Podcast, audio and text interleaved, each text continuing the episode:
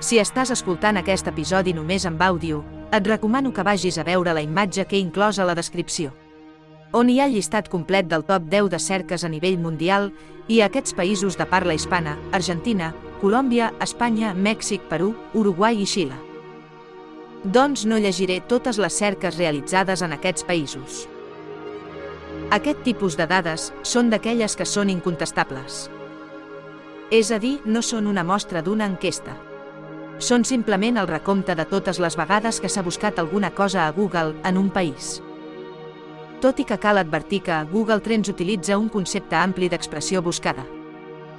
Per exemple, quan parla de la cerca d'Índia versus Anglaterra, per començar està incloent la mateixa expressió traduïda en altres idiomes i també gent que hagi escrit Índia contra Anglaterra. És a dir, amb variacions en alguna de les paraules, però que no canvien el significat de l'expressió en el seu conjunt. Vist així, aquest rànquing té molt de valor sociològic. De fet, podríem escriure una tesi doctoral només analitzant el perquè de cadascun d'aquests rànquings nacionals. I encara pitjor, difícilment ens posaríem d'acord en les causes i conseqüències. Així que no entraré a analitzar, sinó només a descriure. Bé, tanquem aquesta introducció llarga i comencem esmentant alguns d'aquests rànquings. Hi ha alguns temes que apareixen a gairebé tots els països. El Mundial de Futbol. La guerra a Ucraïna Covid i vacunes. A més, el tema d'eleccions nacionals ha estat rellevant a Colòmbia i Uruguai.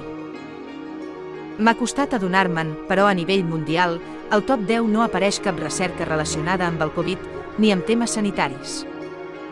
El més buscat al món ha estat Wordle, que és un popular joc d'endevinar una paraula. I en segon lloc, el partit del Mundial de Futbol, Índia versus Anglaterra. En tercer lloc, Ucraïna. Després, la reina Isabel. I després el partit Índia versus Sud-àfrica. Anem per països esmentant les principals cerques. Citaré les tres primeres a cada país. Argentina. Cens digital. Mundial 2022. Argentina versus Itàlia. També apareix Gerardo Rosin, cèlebre periodista i conductor argentí que va morir aquest any. El top 3 a Colòmbia és Liverpool. Nacional. Darío Gómez. Aquest darrer és el rei del despecho, un gran exponent de la música colombiana, que va morir aquest any. El top 3 a Espanya és Wordle, Ucraïna, Eurobasket. Més avall apareixen l'exitós tenista Carlos Alcaraz, la polèmica Tamara Falcó, filla d'Isabel Preisler, i l'actor Will Smith. El top 3 a Mèxic és Mi vacuna. Prevenció Covid-19. Mundial. El més sorprenent és que per sobre de la guerra a Ucraïna i la mort de la reina Isabel, apareix en un cinquè lloc Dahmer. És el cognom d'un assassí serial de Milwaukee, del qual Netflix ha fet una sèrie de super èxit. El top 3 al Perú és Bonus alimentari Carnet de vacunació Eliminatòries Qatar 2022 Apareix també Diego Berti, famós actor peruà que va morir aquest any. El top 3 a Uruguai és Mundial, Corte Electoral, AUFTV. Aquest darrer és el canal oficial de la selecció de futbol. També apareix al top 10 el futbolista Luis Suárez. I és que 6 de les 10 cerques principals tenen a veure amb el futbol a Uruguai. El top 3 a Xile és Bonus d'hivern passe de mobilitat.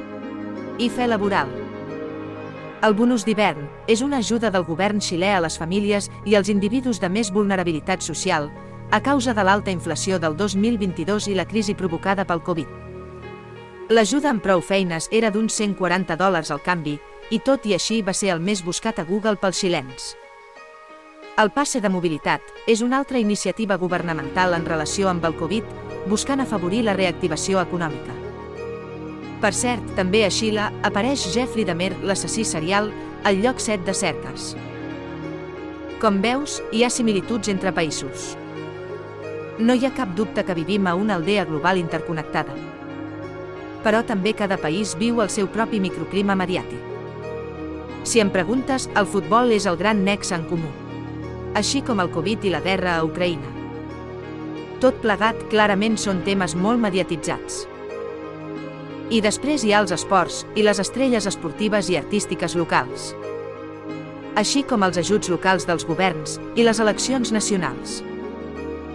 Si arribes a consultar el rànquing complet a la descripció de l'episodi, deixa'm la teva opinió sobre el que més t'ha sorprès. Datòfils. Busquem, analitzem i compartim dades. Escolta'ns a YouTube, Telegram o a la teva app de podcast.